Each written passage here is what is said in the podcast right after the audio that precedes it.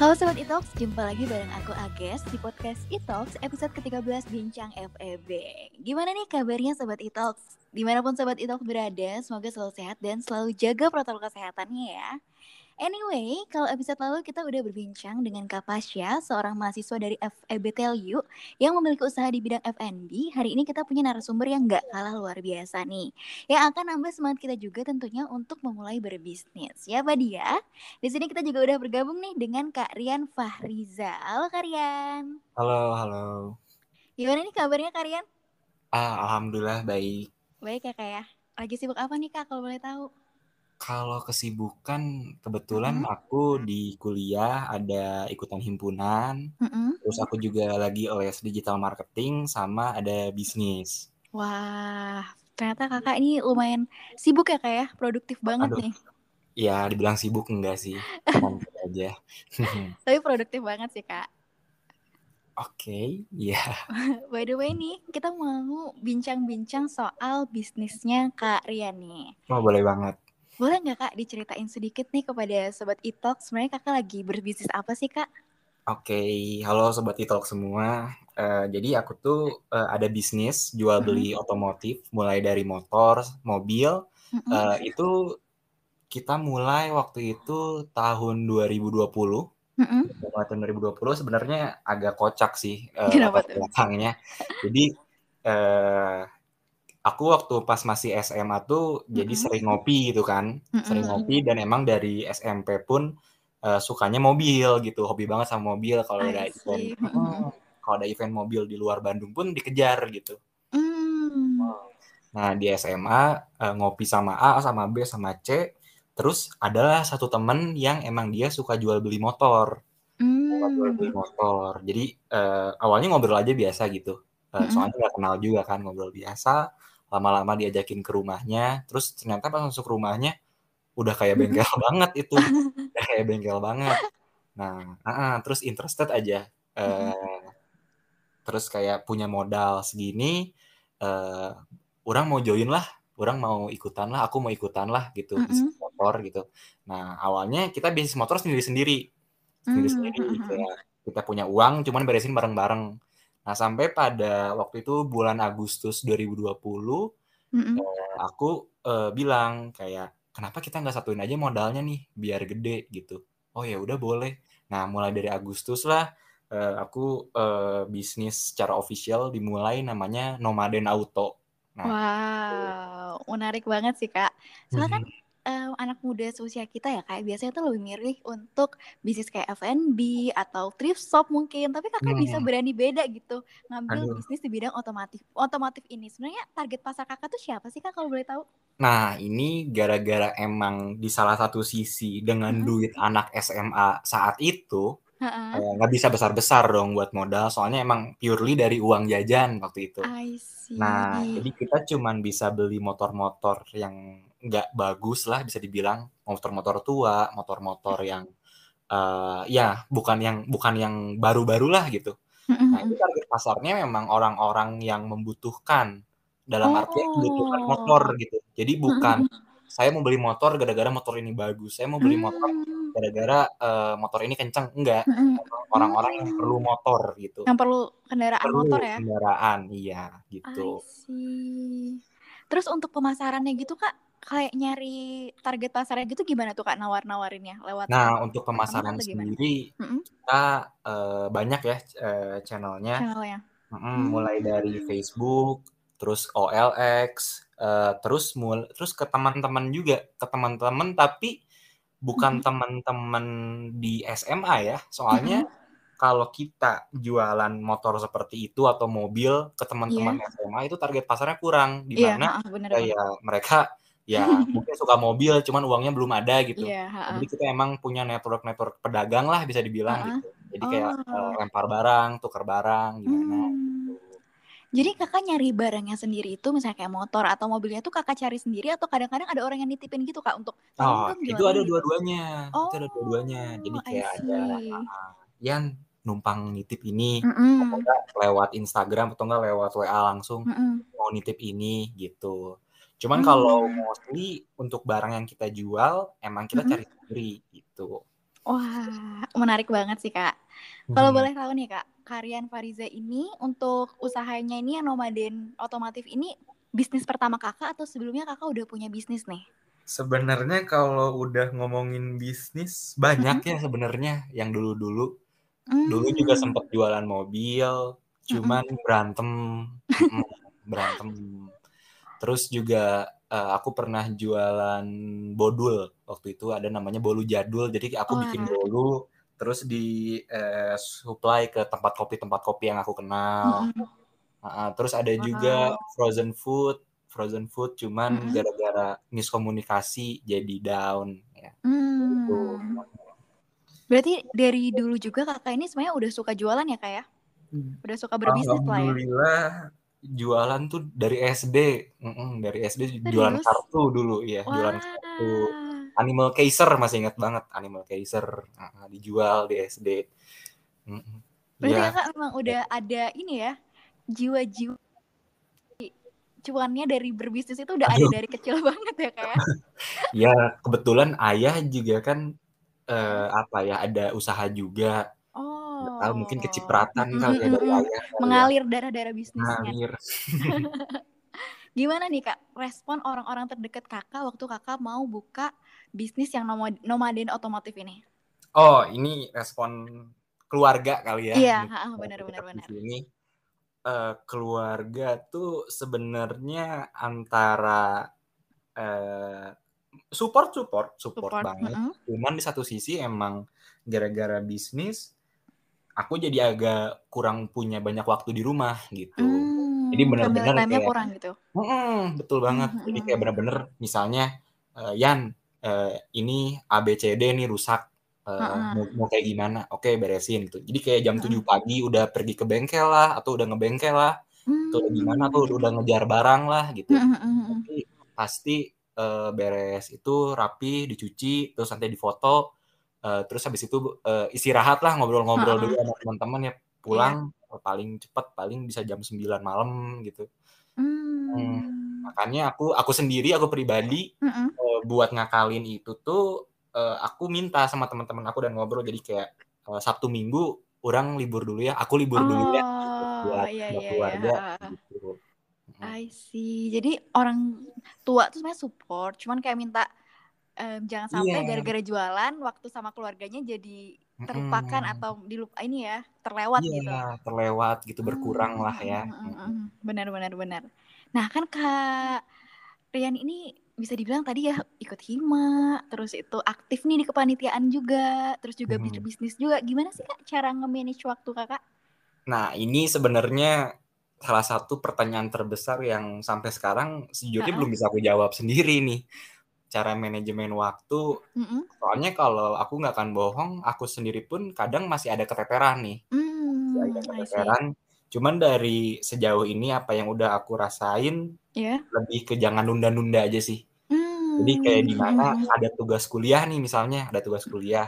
Mm-mm. Eh, coba tugas kuliahnya hari itu juga eh, Mm-mm. dibatasin misalnya kuliahnya jam berapa oke jam 4 sore harus udah beres gitu nanti dari jam 4 Hmm. sore eh, ke selanjutnya waktu buat himpunan pagi-paginya misalnya buat bisnis gitu. Oh, kalau kalian sendiri tuh tipe orang yang suka nyatet kayak buat to-do list gitu atau itu kakak ya ini aja kayak misalnya ditetapin langsung aja gitu di dalam hati atau gimana tuh kak? oh itu kalau to do list. Kak, itu depend sih depend sih aku Oh. memang sometimes eh, writing on the notes gitu what should I do Eh, Mm-mm. today itu ngapain aja gitu today activity Eh, biasanya aku di Google Calendar biasanya Oh iya ya. Calendar biar ada notifnya kayak gitu Eh, cuman kalau emang lagi bener-bener udah capek banget gitu ya Mm-mm. ya udah gitu besok ini ini udah aja nggak Hmm. capek gitu. Disesuaikan ya kak ya sama Iya. keadaan di hari itu gimana? iya iya By the way kan ini lagi pandemi nih kak.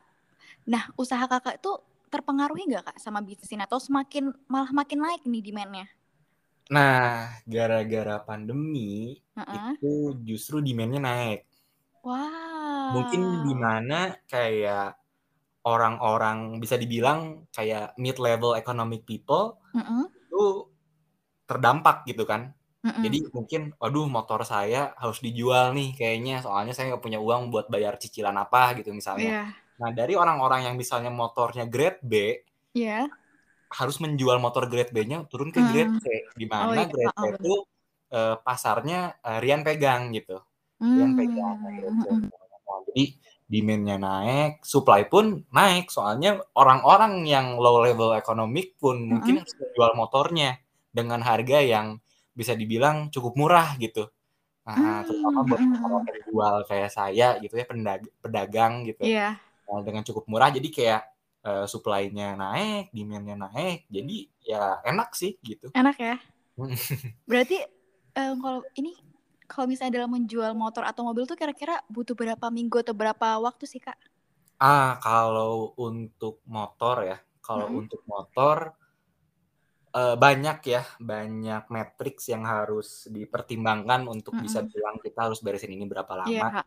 Cuman kalau kita ta- kita pukul rata semuanya mungkin bisa kalau motornya maksudnya kalau motornya rusaknya nggak separah itu ya, Iya. mungkin bisa kayak 3 sampai 5 hari lah.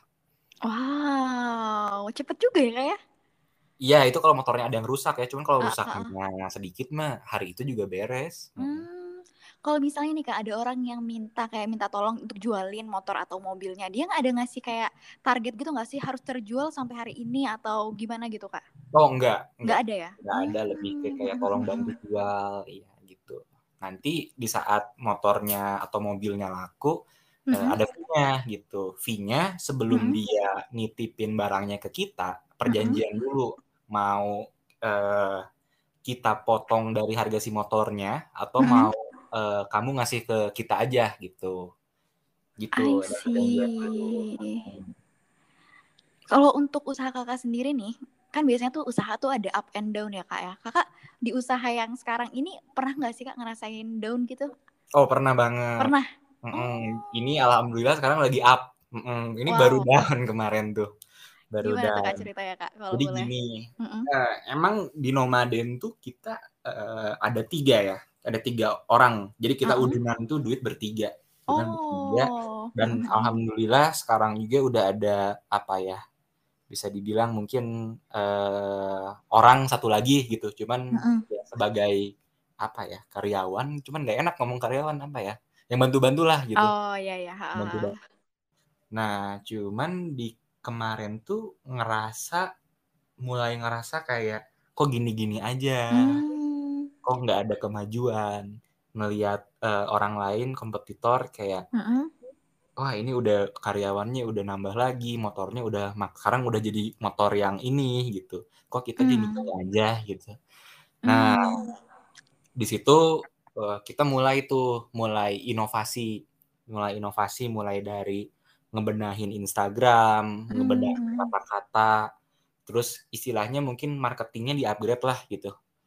Marketingnya Oh. di-upgrade, kita nyasar Instagram dan eh, gara-gara kita ya alhamdulillah kita punya network banyak gitu ya. Mm-mm.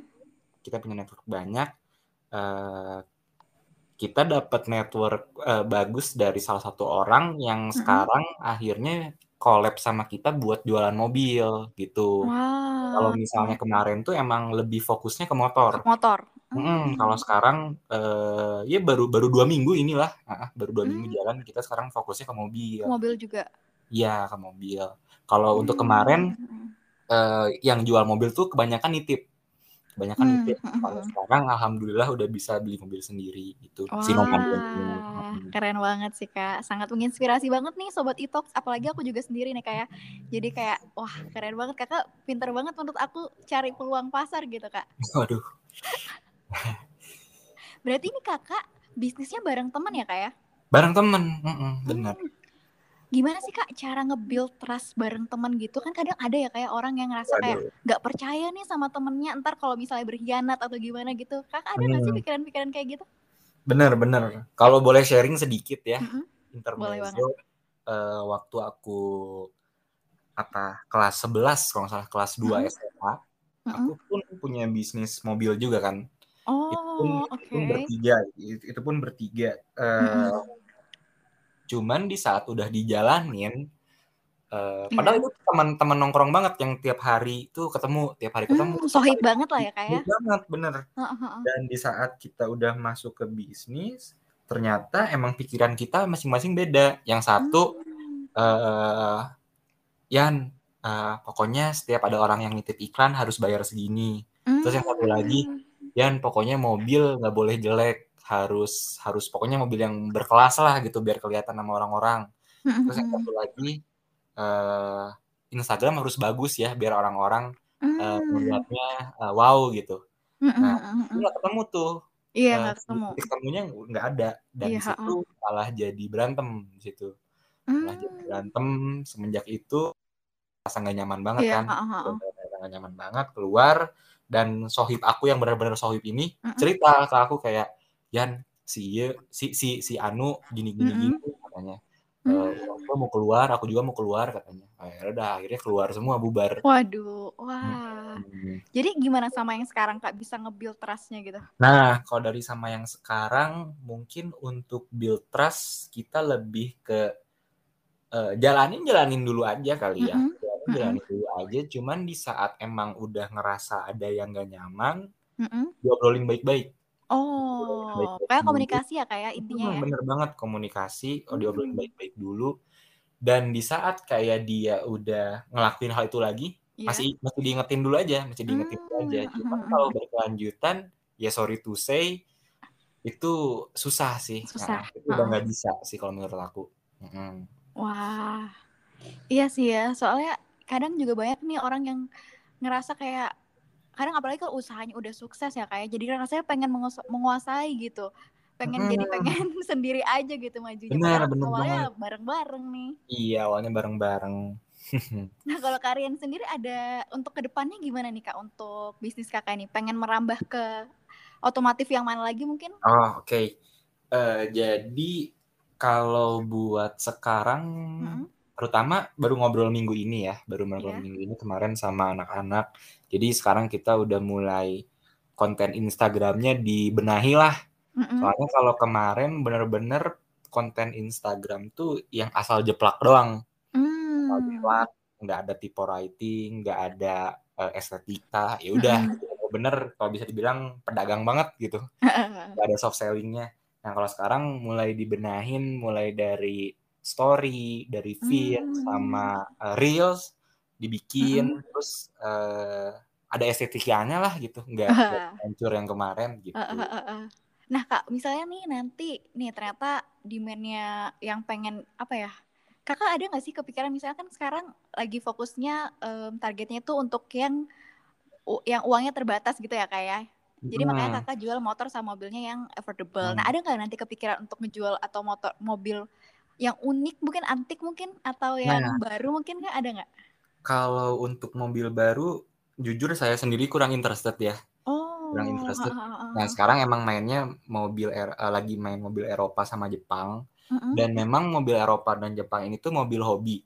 Oh. Uh, jadi kalau untuk mobil hobi atau motor hobi sendiri itu harganya uh -huh. gelap. Itu harganya gelap. Jadi gimana kita yang nentuin? Oh, harganya nah, gelap harganya gelap jadi nggak ada kayak kalau oh. misalnya beli mobil baru nih uh, uh, uh. Uh, setahun dua tahun ke depan mungkin turunnya uh, eh, 5 sampai sepuluh juta yeah, uh, uh. kalau mobil lama atau mobil hobi itu harganya gelap uh. jadi kayak mobil tahun 91 pun masih bisa dijual 105 dan secondnya pun ada yang jual 10 juta sampai 30 juta ada gitu oh. jadi tergantung kondisi original sama mungkin ada part-part yang belinya uh, langsung dari luar negeri gitu yang jadi value si mobilnya sendiri jadi naik. Jadi gitu. naik ya. Mm -hmm. hmm. Mungkin kakak bisa nih kak kasih nih pertanyaan terakhir, eh, bukan pertanyaan sih sebenarnya kayak statement terakhir lah buat teman-teman sobat e biar makin termotivasi kak untuk memulai bisnisnya nih kak. Hmm, untuk mulai bisnis ya. Yeah. Kalau dari aku sendiri mungkin uh, untuk mulai bisnis mulai aja dulu mm -hmm. semudah mungkin uh, gagal itu pasti, cuman gagal tuh pasti ada jatahnya. Jadi nggak yeah. akan selalu gagal di saat jatah itu habis ya uh, insya Allah bisalah sukses gitu. Wow, keren banget sih. Jujur nih ya kak, aku sendiri tuh jadi termotivasi banget sih untuk mulai berusaha sama berbisnis sejak denger cerita dari Kak Rian ini karena pintar banget sih menurut aku cari peluangnya. Oh ya, itu. Italks juga jadi makin termotivasi nih karena kalian udah berkuliah, terus himpunan, aktif kepanitiaan juga, tapi bisa bagi waktu untuk buka bisnis. Hmm. Boleh boleh sharing Kak? lagi nggak? Boleh sharing Boleh banget, boleh juga? banget, boleh banget. Ini sih sama satu yang penting tuh kalau dilihat di zaman sekarang ya, Mm-mm. kayak anak-anak eh, ngopi terus mungkin main Mm-mm. ke mana main Iya, ke mana. heeh. Coba eh, cari benefit dari orang yang kita temenin gitu. Nah, jadi Hmm. kayak dia dia bisa apa, kita bisa Mm-mm, mm-mm. apa, apa nih kira-kira yang bisa dijadiin satu dan bisa ngasih dan bisa bikin peluang gitu. Kalau Wah, misalnya cuman ngopi terus kayak main-main doang sampai kapan pun ya ya itu peluang nggak akan dapet. Mm-mm. benar benar benar. Jadi jangan cuman apa ya? Iya kita memang harus cari relasi banyak-banyak, tapi Yap, gimana caranya kita bisa buat relasi itu jadi opportunity ya kayak. iya bener Jadi banget. kesempatan yang bakal ngebuat kita makin maju nih bareng-bareng. Mm-mm, bener banget. Wah, nggak kerasa nih Kak, ternyata waktu bincang-bincang kita udah habis nih. Tapi mungkin Sobat Italk juga jangan khawatir karena bakal ada bincang FEB selanjutnya bareng narasumber yang luar biasa dan tentu aja nggak kalah memotivasi tentunya. Nah, aku dari Ages pamit undur diri. See you and stay healthy. Makasih kalian. Sama-sama.